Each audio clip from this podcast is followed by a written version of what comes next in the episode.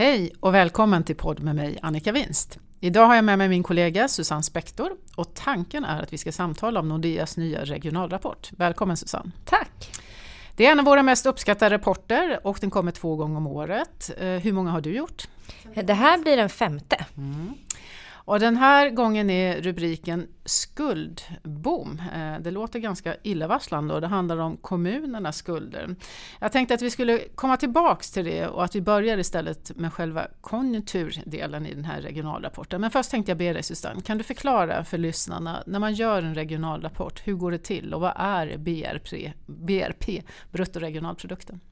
Eh, det är ju BNP, fast för regionerna. Så att eh, i den här rapporten så har vi nu åtta regioner. Det är alla NUTS 2-regioner. Och för att inte alla ska logga ut nu så ska vi inte uppehålla oss för länge vid det. Men det är liksom en internationell regionindelning. Och på NUTS. den, NUTS, exakt. Och på den, att vi utgår från dem är dels för att ja, vi får många regioner men också för att statistiken kommer in på den nivån. Så det är det vi har att jobba med. Och sen utgår vi från Nordeas eh, Sverigeprognos och fördelar ut den på alla regioner. Och när vi gör vår prognos på Nordea så har vi såklart också med oss det regionala när vi gör vår Sverigeprognos. Så det blir ett ge och ta därifrån. Eh, men det gör ju vår produkt unik. Vi är de enda som har den här hel, hela Sverigebilden och sen hela regionalbilden eh, tillsammans. Mm. Och det är också därför många efterfrågar den. Det är svårt att hitta jämförbar statistik eller information. Ja men exakt. Ja, om vi går in på de olika regionerna då, så i Västsverige så vädrar man morgonluft och Västsverige är ju en region där man är väldigt eh, stort beroende av omvärlden, mycket tung industri. Sysselsättningen har varit extremt gynnsam utveckling. Hur hänger det här ihop? Det är ju ändå så att omvärlden har varit i någon form av avmattning. Ja men precis, men den rimliga tolkningen är att den västsvenska industrin har klarat den här avmattningen bättre. Eh, fordonsindustrin eh, tycks ju ha klarat sig bättre än till exempel den tyska eh, fordonsindustrin som har drabbats hårdare. Och att eh, den västsvenska regionen verkar inte kunna möta något hinder för tillfället. Särskilt inte arbetsmarknaden som bara ångar på som tåget. Eh, du gav mig, när jag var i, i Västsverige häromveckan, en graf över beverage-kurvan som visar dels hur konjunkturen påverkar arbetsmarknaden men också hur matchningen påverkar arbetsmarknaden i regionen. Och, och då visade den grafen att både konjunkturellt och också matchningsmässigt så har faktiskt Västsverige utvecklats i positiv riktning. Ja, precis. Och det kan man ju bara spekulera i egentligen. Men när konjunkturen är väldigt stark under lång tid och man har en, ändå som en boom som man har haft där så blir det också lättare för personer som står lite längre ifrån arbetsmarknaden att komma in. Att när trycket är högt så är man mer benägen att ta dem, kanske lite mer vilda korten. Ehm, så det skulle kunna vara en sån faktor, att det har växt länge. Men sen så ehm, tycks det också vara liksom strukturella faktorer som har blivit bättre. Mm. Man ska också komma ihåg att inbromsningen i omvärlden, den avmattning vi har sett, den har ju skett från en hög nivå. Så vi kommer ju från en period där man har haft högt tryck inom industrin innan. Exakt, men tittar man på till exempel Småland och Norrland så tycks ju de ha drabbats hårdare än vad till exempel den västsvenska regionen har gjort. Även om de ju också, det är inte alls en nedgång som till exempel under finanskrisen. Det är ju snarast en avmattning, mild lågkonjunktur som, som även de regionerna möter. Mm. Övre Norrland var ju tidigt ute i förra rapporten eh, i, i konjunkturmässigt och de ligger tidigt i, i cykeln eh, och har stort beroende som du säger av omvärlden. Men man har också fortfarande brist på arbetskraft i regionen.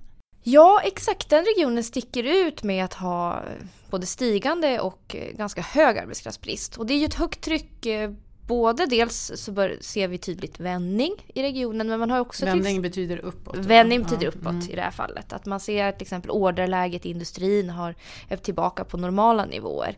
Men sen i övre Norrland så har man ju också batterifabriken i Skellefteå som man håller på att bygga som drar mycket eh, arbetskraft. Eh, man gör också stora investeringar i vindkraft till exempel. Och så har eh, regionen en befolk ingen befolkningsökning så då är det klart att det snabbt blir brist på arbetskraft.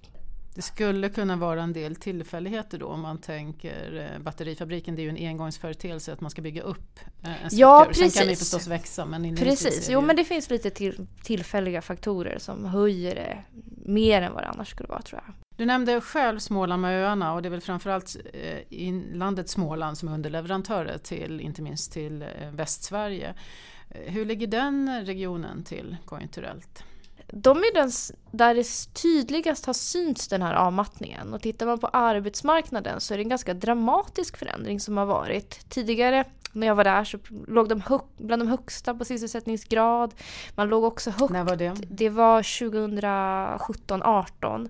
Men du har eh, varit i Småland sedan dess? Jag har varit i Småland sedan dess. Eh, precis, men, men det var mina första besök så var det, pratade jag mycket om just den här starka arbetsmarknaden. Men sedan dess har det gått ner och nu eh, de senaste här fjärde kvartalet så föll man faktiskt under nivån i riket. Så nu har man tappat den här tätpositionen. Sen är skillnaden stor, precis som i alla regioner, mellan Jönköping och, och Gnosjöregionen och sen Kalmar och Kronoberg mer mot kusten där det går det tyngre än vad det gör i Jönköpingsregionen. Jag såg du hade någon graf där efterfrågan var otillräcklig och bristen på arbetskraft hade dämpats ganska markant. Så det var en ordentlig förändring på båda de parametrarna. Verkligen. Och tjänstesektorn sticker ut i alla regioner egentligen. Men kanske allra mest i Småland där mer än hälften av företagen nu säger att det är brist på efterfrågan som är främsta hindret för att kunna växa. Och det är ju en stor skillnad mot tidigare då arbetskraftsbrist har varit ett av de främsta hindren. Mm, det låter ju sådär. Är Småland då på väg in i någon lågkonjunktur nu senare än andra delar? De har ju varit i en lågkonjunktur och får nog vänta lite längre än eh, en del andra regioner på att den här uppgången blir tydligare. Eh, jag tror att man i Smålandsregionen får man nog vänta till 2021 innan man ser en tydligare återhämtning. Medan till exempel, som vi har nämnt, Västsverige men även de andra storstadsregionerna får lite mer draghjälp av att bostadsmarknaden vänder upp och hushållen i närtid. Mm. När vi gjorde Sverigeprognosen som vi släppte för några veckor sedan så, så pratade vi ju om att eh, vi, vi kanske är på botten nu någonstans och att det ser bättre ut redan till hösten för riket eh, som helhet. Men vi pratade ju också om att vi får ett skifte, att det är exporten som har varit eh, stark i svensk ekonomi trots en inbromsning globalt. Eh, och att hushållen då som har varit försiktiga nu ska ta över stafettpinnen. Är det någonting som du ser också i regionalanalysen? Men man ser eh, stor, man tittar på bostadsmarknaden så ser man att det är en väldigt stor skillnad i olika delar av landet. Och bostadsmarknaden är intressant för att hushållen är, ja, men exakt. mår bra om bostadsmarknaden exakt. är stark. Och vi, förmodligen så är väl det en anledning till att hushållen har kommit tillbaka, att, det går bättre på bostadsmarknaden. Eh, och där är det ju framförallt Stockholm, Göteborg och Malmö där det verkligen har dragit iväg. Eh, men även i, i många delar av till exempel Mälardalen eh, så har det vänt upp. Men många residensstäder, alltså Umeå, Uppsala, Linköping, den typen har, ser man inte alls samma snabb uppgång. Så där kan man tänka sig att de regionerna kommer lite senare då i den här återhämtningen. Men, men eh, det blir ju en liknande prognos i regionalrapporten att storstadsregionerna tar över lite mer medan man eh, framförallt under förra året såg att det var ju större nedgångar i de industritunga regionerna mm. mot slutet.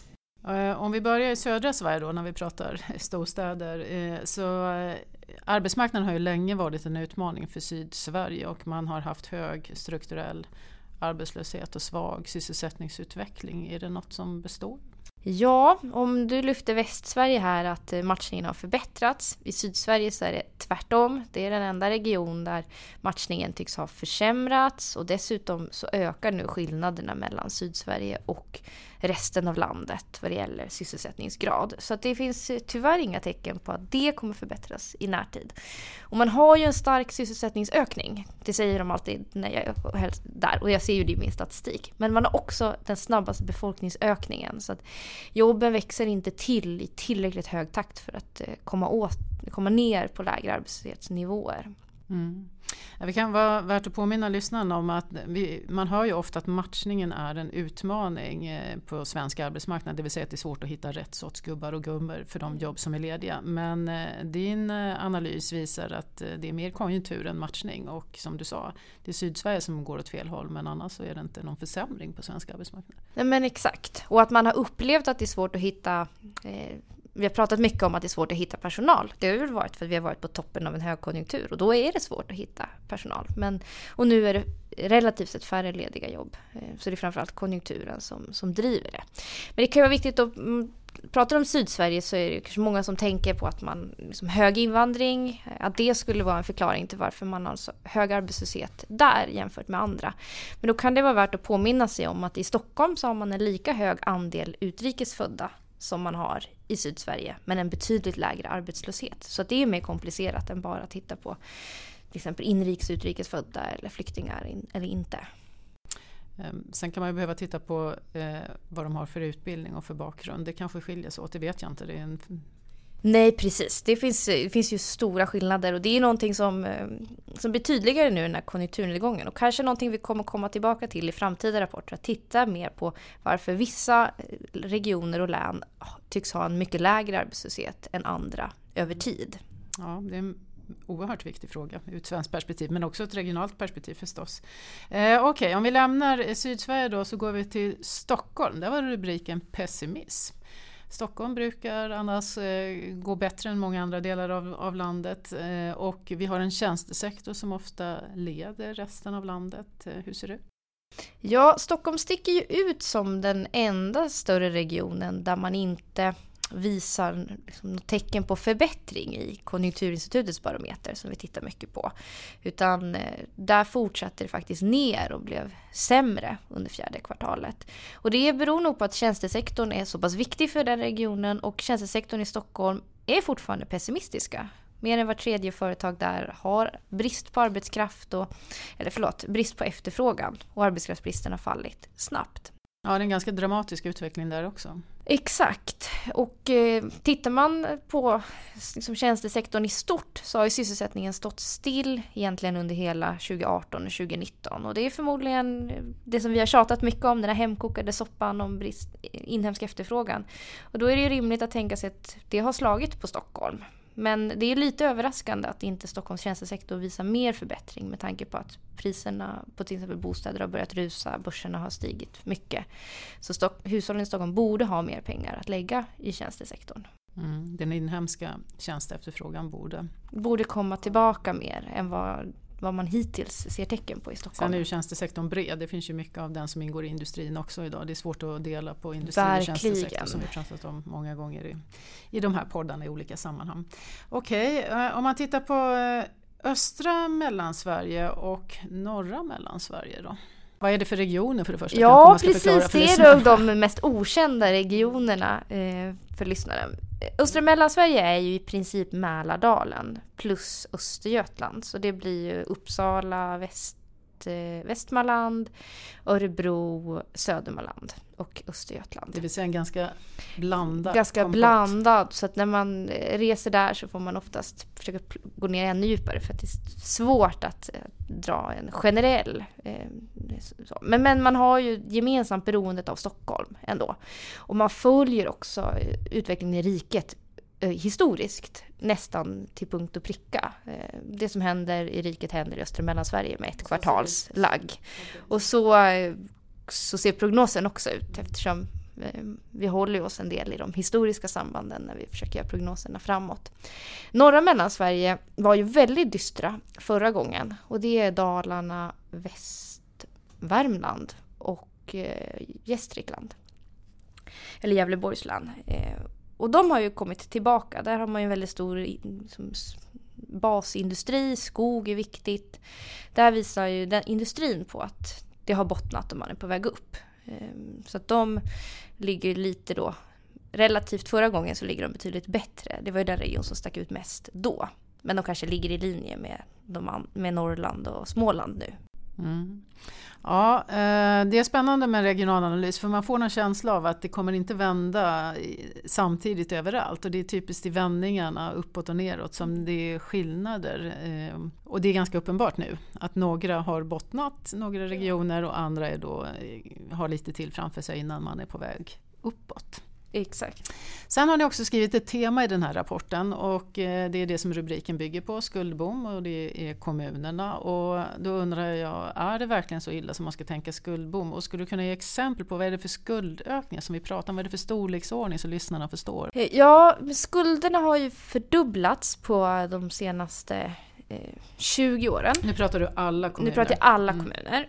Så ur det som aggregerat på en längre sikt känns det kanske inte lika dramatiskt.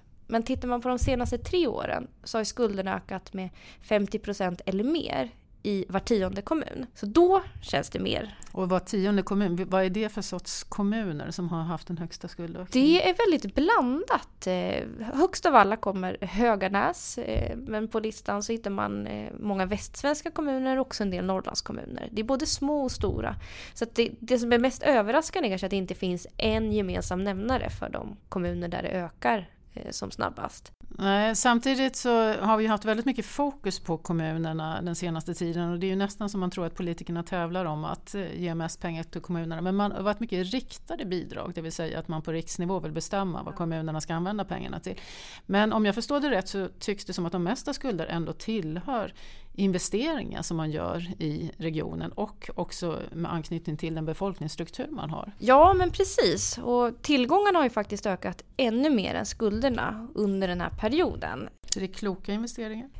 Det är nog både och, men, men liksom den stora majoriteten är ju man bygger bostäder, skolor, äldreboenden, investeringar i vatten och avlopp. Eh, sånt som kommunerna är ålagda att göra och som de behöver göra. Så det är eftersatt och sen är det befolkningsstrukturen? Exakt. Och sen kan man tänka sig att det låga ränteläget har gjort att man passar på att, eh, att bygga och låna. Och det är ju klokt att låna i när räntan är låg. Men många av de här lånen omsätts snabbt. Man har korta bindningstider. Så om räntan stiger och konjunkturen viker så kan det bli väldigt tufft för kommunerna att få ihop eh, sin ekonomi och nå det här balanskravet ändå. Samtidigt är det ganska rimligt om man har stora behov och en befolkningsstruktur som kräver att man vidtar åtgärder. Räntan är låg, Riksbanken säger att den ska vara det under mycket lång tid. Att man faktiskt gör investeringar idag och det hör man ju ganska ofta i samhället. Att är det inte nu man ska ska göra ja, den här sortens exakt, investeringar. Exakt, och i någon mån så har ju kommunerna tagit stafettpinnen från staten och gör mycket av de investeringarna. Men kommunerna är mer skuldsatta än vad staten är? Eh, jag tror att staten fortfarande är mer skuldsatt ja, än kommunerna. Ja, exakt. Men, men tänker, ökningen ja. är ju mycket större i kommunerna medan det faller i staten. Vi har betalt av eh, på statsskulden. Vi minskar statsskulden ja. eh, lite beroende på hur man mäter den olika mycket. Ja, men det är ju ändå så att vi har en låg statsskuld i relativt många andra länder. Medan däremot kommunernas skuldökning har varit ganska dramatisk. Som du ja. precis Ja, och i den här rapporten så tittar vi på de långfristiga skulderna för att eh, få med liksom just de här räntebärande eh, delen. Och då har ju kommunerna totalt en skuld på 550 miljarder. Och det kan man sätta i relation till de här 2,5 miljarderna i välfärdspengar som man nu haft bråkat om mellan kommun, eller mellan regering och eh, opposition. Så att det är ganska små pengar som man pratar om i budgeten i relation till de Ja, man kan ju säga att de här 2,5 miljarder men även de 7,5 om ja. man lägger på de 5 är ju felräkningspengar i stort sett i de här sammanhangen. Och en Verkligen. sak som man kan sätta det i relation till det är ju svensk BNP som är ungefär 5 000 miljarder. Ja, exakt. Och det är väl i det måttet snarare kanske man ska sätta skulderna i relation till exakt. också. Exakt. Och sen har vi ju haft en befolkningsökning i Sverige och sen är den olika fördelad. Men det finns ju kommuner, regioner som faktiskt inte har ökande befolkning och då kan det vara ganska utmanande om man har stora skulder också.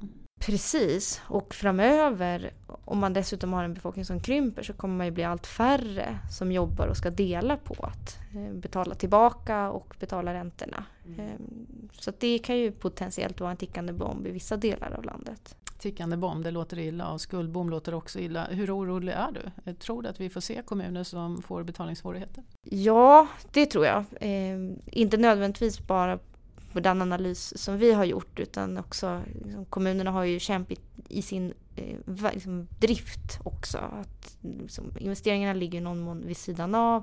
Men nu när en del tillfälliga pengar försvinner så är det ju många kommuner som har det tufft. Och med de, liksom, de prognoser vi gör med att sysselsättningen kommer utvecklas svagare framöver och den växlar inte upp i någon större takt jämfört med historiskt så kommer ju skattebaserna bli min, utvecklas långsammare framöver.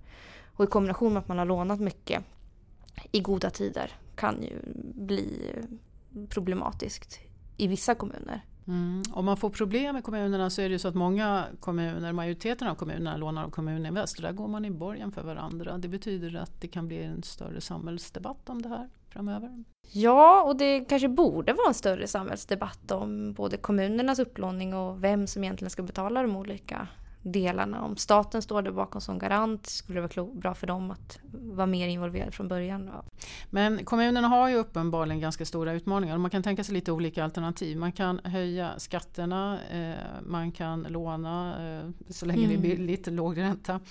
Eh, men man kan ju också effektivisera. Och, vad, hur ser du här? Kommer vi få se lite av varje? Ja, det tror jag. Och kommunerna har ju också ganska olika åsikt. En del kommuner jag träffar säger faktiskt det att nej men vi ska, vi ska inte ha mer pengar. Vi ska inte höja skatten och vi ska inte få mer pengar utan vi ska göra de här effektiviseringarna som vi inte har gjort för vi inte har mäktat med när det, det har varit goda tider. Ja exakt och jag tror att de vill nog inte bli citerade på det i, i mer bemärkelsen att det finns några kommuner som säger det. Eh, men jag tror att det, det, finns väl en insikt hos en del att man har svält lite i, i goda tider och det har varit liksom tillfälliga statsbidrag som har kommit. Eh, och att det också finns effektiviseringspotential. Och det är ju rimligt. Det brukar ja. det göra efter goda tider oavsett vad det är för eh, organisation. Om det är kommunalt ja. eller företag eller var man befinner sig så, ja, så är det lätt hänt. Ja, det blir väldigt spännande att se och intressant och jag gissar att vi kommer prata mer eh, om kommunerna framöver. Eh, men jag tänkte att vi skulle börja runda av här och då tänker jag att lyssnarna säkert vill titta på de här graferna som vi har pratat om och läsa mer. Vad hittar de rapporten? De hittar den på eMarkets. Det är väl emarkets.nordea.com. Eh, där ligger den, för nu ligger den uppe. Mm. Och går också att hitta där. Eh, tillbaka i tiden. Mm. Och har man specialfrågor så får man ringa Susanne Spektor. Absolut, det går jättebra att ringa och mejla och man kan ju också boka in eh, en eh, dragning med fokus på sin region med sin kundansvariga eller mm. Nordea-kontakt. För nu kommer du åka har. landet runt Exakt. och presentera det här. Exakt. Ja. Så nu blir det ju ganska översiktligt men vi har ju så mycket mer på alla regioner som man kan borra i när man eh, är med någon i en region kan man fokusera mer på den. Mm. Det är begripligt att den här rapporten är efterfrågad för att det blir väldigt spännande när man kan gräva på sin egen, i sin egen region och ort. Eh, så eh, tack Susanne, jag hoppas att du får spännande möten där ute runt om i landet. Och eh, tack ni som har lyssnat eh, på återhörande.